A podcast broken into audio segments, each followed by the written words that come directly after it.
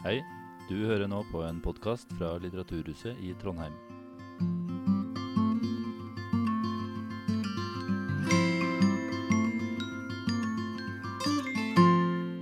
Hei, eh, mitt navn er Iris Aasen Brekke. eh, og jeg har akkurat levert eh, doktorgradsavhandling i klassisk litteratur ved Institutt for historiske og klassiske studier ved NTNU her i Trondheim. I dag skal jeg snakke litt om skriving i isolasjon, og jeg skal ta utgangspunkt i en av antikkens store diktere. For hvordan påvirkes skrivinga når forfatteren opplever uventa og ufrivillig isolasjon? Og hvordan kommer dette eh, til uttrykk i tekstform? Den neste halvtimen skal jeg undersøke dette litt nærmere, med utgangspunkt i et verk av den romerske dikteren Ovid, som han skrev mens han satt i eksil og opplevde ufrivillig isolasjon og det å miste kontakter med samfunnet og kontrollen over eget liv. Ovid levde for over 2000 år siden, men likevel er det slik at man gjerne tenker at det fins noe universelt og typisk menneskelig i måten isolasjon og følelsen av isolasjon eh, og følelsen som isolasjon vekker, eh, kommer til syne i f.eks. tekstlige uttrykksformer.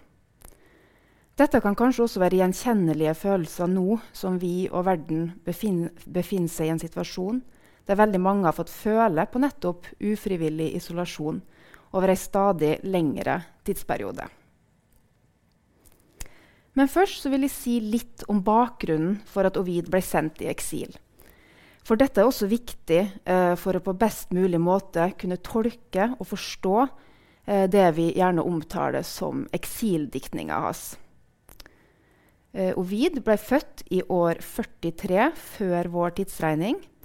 Og han var aktiv som poet i de fremste kretsene i antikkens Roma i tida under keiser Augustus, altså grovt regna i årtidene før og etter år null. Han skrev altså på latin, og mange kjenner kanskje til det episke verket hans 'Metamorfosene', eller 'Forvandlinga' på norsk. Og han er også kjent for å ha skrevet kjærlighetspoesi, nærmere bestemt kjærlighetselegier. Eh, Bl.a. verket 'Amores', som vi kan oversette med 'kjærlighetseventyr' på norsk. Og for 'Ars amatoria', eller 'Kunsten å elske'.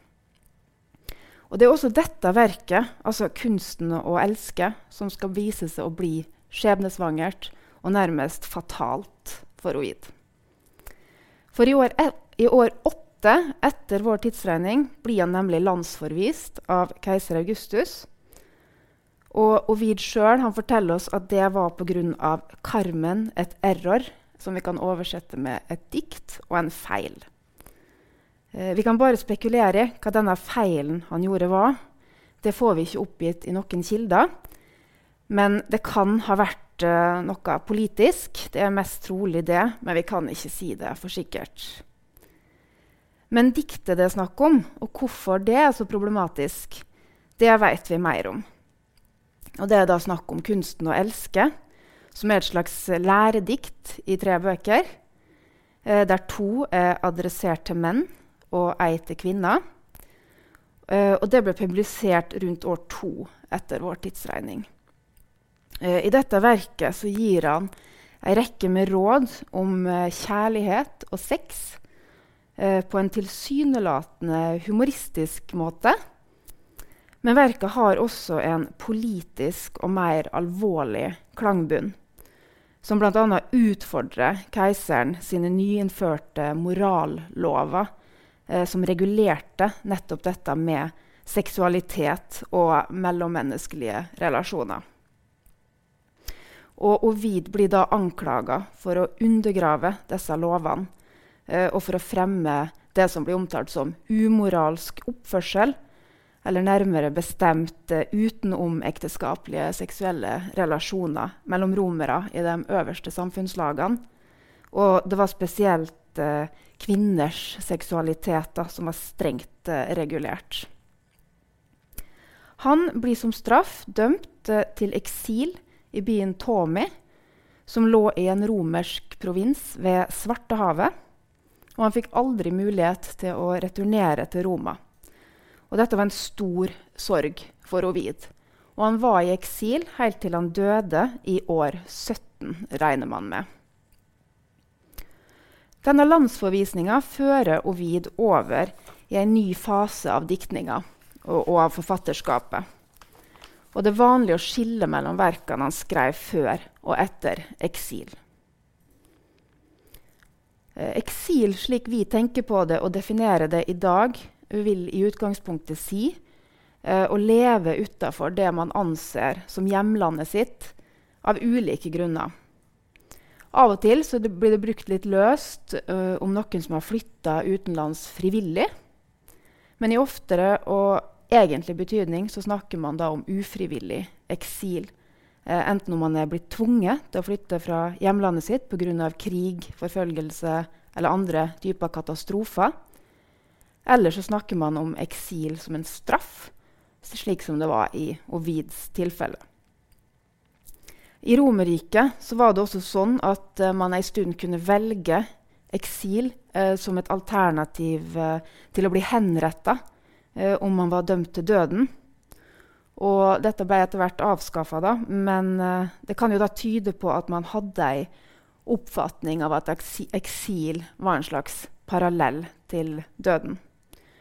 I hvert fall så er dette noe som kommer fram i Ovids eh, som vi skal gå litt nærmere inn på om litt. Men hvorfor er det sånn at nettopp eksil eh, ses på som en sånn grusom eh, og effektiv straff? Et eh, viktig stikkord her er nettopp isolasjon.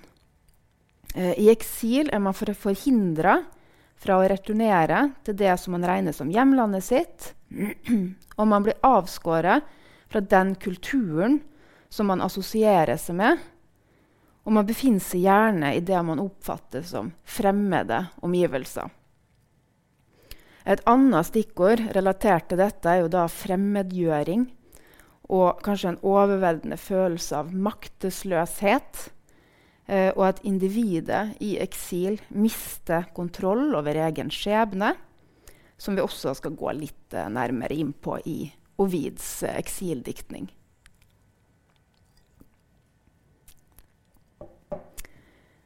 Ovid beskriver eksilet sitt hovedsakelig i to ulike verk. Det første heter 'Tristia', som kan eh, oversettes med noe sånt som bedrøvelige dikt, eller kanskje klagesanger på norsk. Og det andre verket heter 'Epistolai ex ponto', som vi kan oversette rett og slett med 'brev fra Svartehavet' på norsk. Eh, disse verkene består av henholdsvis fem og fire bøker. Så det er ganske lange eh, og omfattende verk det er snakk om.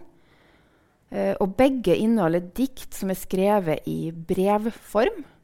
Og det er Ovid som står som avsender.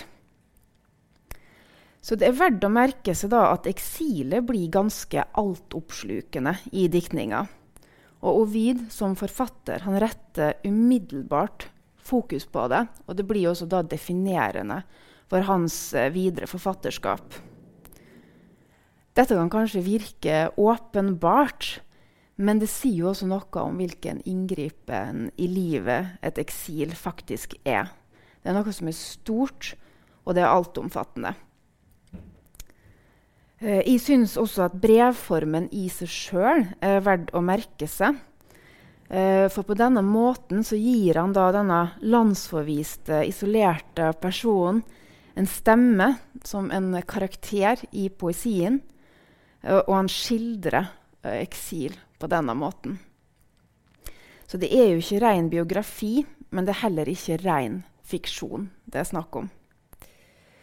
Dette er heller ikke første gang Ovid skriver poesi i nettopp brevform.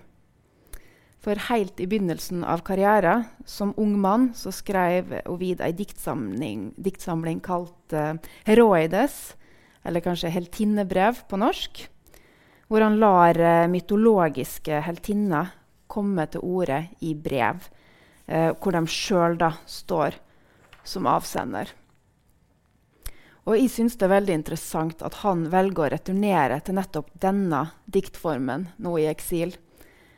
Eh, og det er også mange paralleller å spore mellom eh, Ovids eksilbrev og heltinnebrevene. Eh, disse mytologiske heltinnene henvender seg gjerne til menn som har forlatt dem, og de befinner seg gjerne i desperate situasjoner hvor det står om livet. Og flere av dem ender også med å begå selvmord til slutt. Og Ovid i eksil han føler seg også forlatt. Og han er også desperat og maktesløs. Og døden er også høyst tilstedeværende her. Han beskriver nemlig eksilet som en skjebne på linje med døden sjøl, og at dikteren i eksil er som død. Han sier også at uh, derfor skriver han dårligere poesi, og han unnskylder seg uh, ofte for dette. Så han hevder på en måte at eksilet har tatt sjølve diktninga fra han. Og dette har faktisk ført til at eksildiktninga hans lenge har blitt oversett, eh, også i forskninga. rett og slett for man tar ham på ordet når han sier at dette er dårlig poesi. Men så er det også sånn at eh, man i dag uh, oppfatter det sånn at dette egentlig ikke stemmer. Og man kan kanskje heller si at det er en måte å uttrykke seg på og iscenesette selve eksilet og de emosjonelle konsekvensene det har. Og Dessuten så er det også sånn at man kan trekke mange linjer og se mange referanser eh, til hans tidligere forfatterskap i eksildiktninga. Så oppsummert eh, på dette punktet så kan man kanskje si at den nye situasjonen får selvfølgelig en definerende betydning for forfatterskapet videre. Og sånn sett så kan man jo kanskje se på det som et slags brudd eller en slags overgang. Men det er likevel en kontinuitet og en sammenheng i Ovids forfatterskap ende, fra ende til annen. da. Og dette blir faktisk tydelig i måten han fortsetter å skrive poesi på sjøl i eksil. For det er i samme ånd som før, om man kan si det på den måten. Eh, nå skal jeg gå litt eh, nærmere inn på eh, det første verket han tok fatt på etter å ha ankommet ved Svartehavet, nemlig 'Tristia', eller 'Klagesanger'.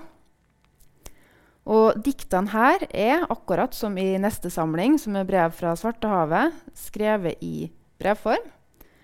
Og de er adressert til ulike bekjente eh, av Ovid hjemme i Roma. Og det er Ovida som står som avsender av disse brevene. Men dette er likevel ikke personlige brev som sådan, sånn som vi tenker på det, men det er altså dikt meint for offentliggjøring og som skal spres og nå så mange som mulig. Det er også verdt å merke seg at han ikke navngir noen av uh, mottakerne av brevene. Og man kan jo tenke seg at det kan være fordi det kunne være ufordelaktig å bli assosiert med han nå, som han er dømt for det som ble ansett for å være en alvorlig forbrytelse. Og det er kanskje heller ikke poenget for han eh, på dette tidspunktet. Det er allikevel ett unntak eh, fra dette. Og det er at et av brevene er adressert til keiser Augustus sjøl. Eh, det er et langt dikt, og det utgjør hele andre bok av Tristia. Og det består av eh, 578 verselinjer. Eh, det skal tilsynelatende være en slags unnskyldning eller forsvarsskriv fra Ovids side. Men det ender med å være egentlig et forsvar for kunsten sjøl og for kunstnerens frihet. Og man kan også lese eh, en maktkritikk og en kritikk av Augustus inn i dette brevet. Og man får en følelse av at han ikke egentlig prøver å motgå anklagene mot han, men at han heller påpeker at det er meningsløst at han straffes for å skrive det han gjør. Eh, men man kan ikke si annet enn at dette er et ganske vågalt trekk av Ovid. Fordi det er også mye som tyder på at han på dette tidspunktet, ganske tidlig i eksilet, fortsatt uh, har et håp om å få lov til å returnere til Roma og det gamle livet sitt der. Så jeg opplever det som at han er ganske kompromissløs når det kommer til diktninga. Og at han på en måte nekter å gå på akkord med sine egne prinsipper som forfatter. Han vedkjenner selvfølgelig at diktninga, og spesielt da kunsten å elske, har skada han. Men han greier ikke å gå med på at dette er riktig, at det er riktig at han blir straffa for det.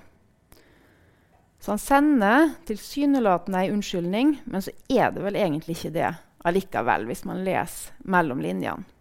Han peker heller på urimeligheten eh, i at han har blitt straffa, og plukka ut blant flere forfattere som har skrevet innenfor samme sjanger.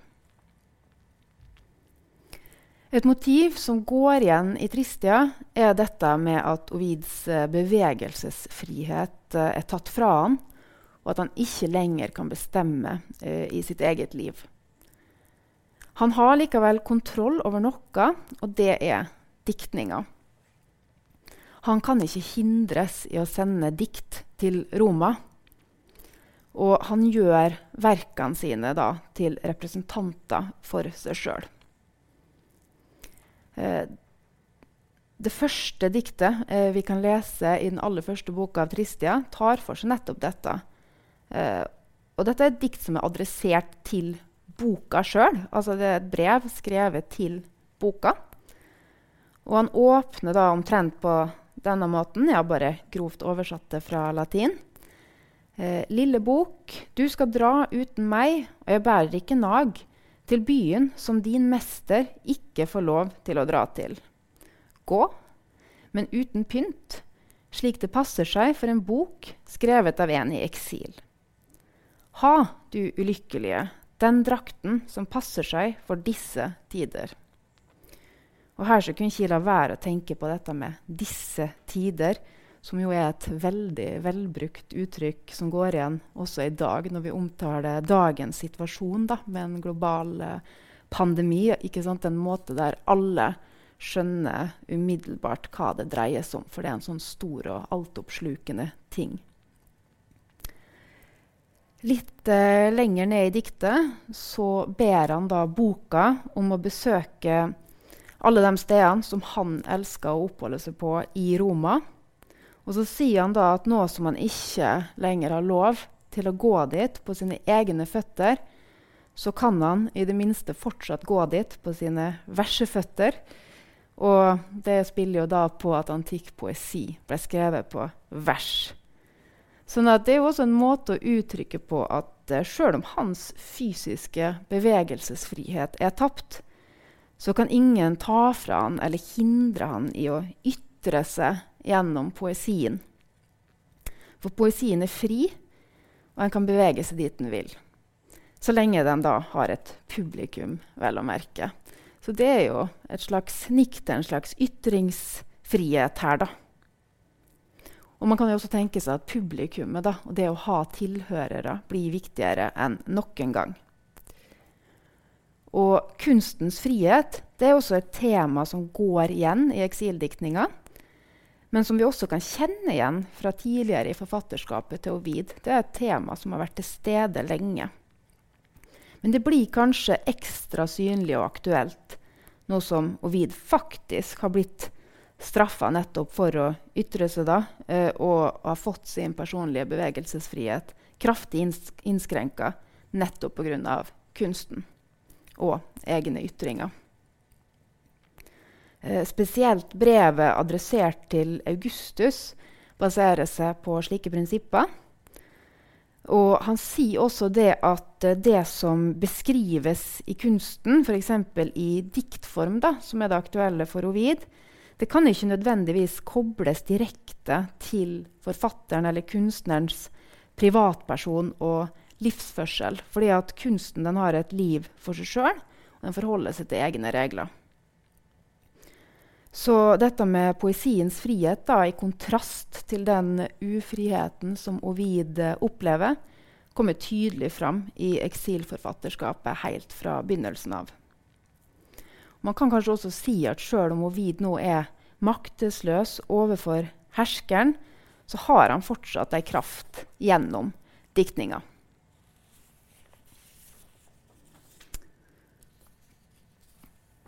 Som vi hørte da, i det utdraget jeg leste, så kom det også fram at Ovid ikke vil at boka skal ha noe flott utsmykning eh, når den sendes tilbake til Roma, men at den skal reise i det som kanskje kan beskrives som ei sørgedrakt.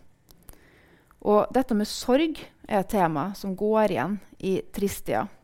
Og han beskriver også seg sjøl som kledd i sørgeklær ved flere anledninger. Og han sørger da over sitt eget eh, tapte liv. Og seinere i boka så omtaler han også denne reisen da, til Svartehavet som sin egen begravelse. Så igjen da, så ser vi hvordan han lar poesien være en representant for seg sjøl. Den reiser til Roma, den er hans stemme der, og den er til og med kledd på en måte som representerer situasjonen som han befinner seg i. Men på den andre sida så er Ovid veldig opptatt av dette med at uh, poeten lever evig og får evig liv gjennom diktninga. Så livet og døden er hele veien til stede, side om side, gjennom hele eksilpoesien. Et annet motiv som raskt uh, dukker opp i Tristia, det er forandring. Som jeg allerede har nevnt, så er jo Ovid kjent for et verk som omhandler nettopp uh, dette temaet, nemlig metamorfosene, eller forvandlinger. Uh, dette er et verk som mest trolig ble skrevet rett før eksilet. Og han skriver at det var uferdig på dette tidspunktet. Han forteller også at han forsøkte å brenne uh, boka, og han sammenligner det da med å brenne sitt eget barn som eh, et ganske kraftfullt bilde. Han omtaler ofte diktene som sine avkom. Eh, men han bruker også dette som et bilde på seg sjøl og sin egen situasjon. At hans liv er blitt avbrutt, eh, men også kanskje det at han er forsøkt hindra eh, i det han anser som sitt kall i livet, da, kan man tenke seg. Og seinere, også i den tredje boka av Tristia, så forklarer han at disse forandrede omstendighetene har ført til at han også endrer seg, og at uh, hans poesi i forlengelsen av det endrer seg og bærer preg av det. Når vi snakker om dette, så kommer vi også naturlig inn på dette med å uttrykke fremmedgjøring. Ovid har nå, nå, som vi kommer til den tredje boka av Tristia, vært i eksil ei stund. Eh, minst et år, kanskje to. Eh, og her kan vi lese da, i den tredje boka Igjen så har jeg bare grovt eh, oversatt det fra latin. Her har jeg ikke en overflod av bøker som jeg kan næres og stimuleres av. Istedenfor bøker høres lyden av buer og våpen. Skulle jeg lese mine dikt, finnes det ingen i dette landet med intellektuelle ører som jeg kan fortelle dem til. Det er ingen steder jeg kan trekke meg tilbake til. Bare vakten på muren og lukkede porter holder de fiendtlige geterne tilbake. Og geterne er jo da folket som bor i dette området. Så fortsetter han. Om jeg har glemt et ord eller et navn eller en plass, så er det ingen her som jeg kan spørre. Og ofte når jeg sier noe, og akkurat dette skammer jeg meg over, så forsvinner ordene for meg. Jeg har glemt hvordan jeg snakker. Så videre så forteller han også at han er redd for at uh, han har begynt å blande inn fremmed språk i, inn i latin, da, som er morsmålet hans. Og han unnskylder seg veldig for dette. Da. Og han sier også at man må lese diktene hans med velvilje, eh, gitt hans harde skjebne og situasjon. Og Vi kan også lese at han omtaler det stedet han befinner seg på, som verdens ende. Altså, det er et bilde på eh, at det stedet han befinner seg på, det er altså helt i sivilisasjonens eh, utkant, kan man si. Altså det vi kan lese ut ifra slike beskrivelser, er at Ovid skildrer eksilet som en fullstendig isolasjon, både fysisk og sosialt, og ikke minst som en slags kulturell fremmedgjøring. For i eksil så mister man da kontakt med omverdenen, og det går faktisk utover de sosiale ferdighetene. Så når han sier at han ikke kan snakke lenger, så er det beskrevet nærmest som det motsatte av å lære seg å snakke. Altså som en slags eh, reversering av læreprosessen. Og at eksilet gjennom dette berøver han for helt grunnleggende sosiale ferdigheter, som å ha en samtale med andre da, og kunne få tilbakemelding. Eh, og Han beskriver også hvordan dette er noe han nå føler skam over, og at det faktisk går utover hans eh, poetiske virke. Og Omgivelsene han befinner seg i, beskrives nærmest som et slags sammensurium av ulike språk og lyder som går over i hverandre. Og det er klart at Språk er veldig viktig for Ovid som dikter. Eh, og diktninga er jo også det eneste kanskje som fortsatt forbinder han eh, med det gamle livet som han hadde i Roma, og med Roma sjøl. Eh, så dette er en måte å skildre ganske store personlige, emosjonelle konsekvenser på. Og det sier også noe om viktigheten av å kunne uttrykke seg, og at det kanskje er det som holder han gående på dette tidspunktet. Så etter hvert da, som tida går i eksil og isolasjon, da, så rettes fokuset også, og det er jo kanskje uunngåelig, men det rettes altså mot nettopp det her da med tidens gang. Og man skulle kanskje tro eh, at eh, man ville venne seg til situasjonen og tilpasse seg. Eh, men eh, det er altså viktig for han å påpeke at dette ikke er tilfellet og at hans lidelser blir bare verre og verre etter hvert som tida går.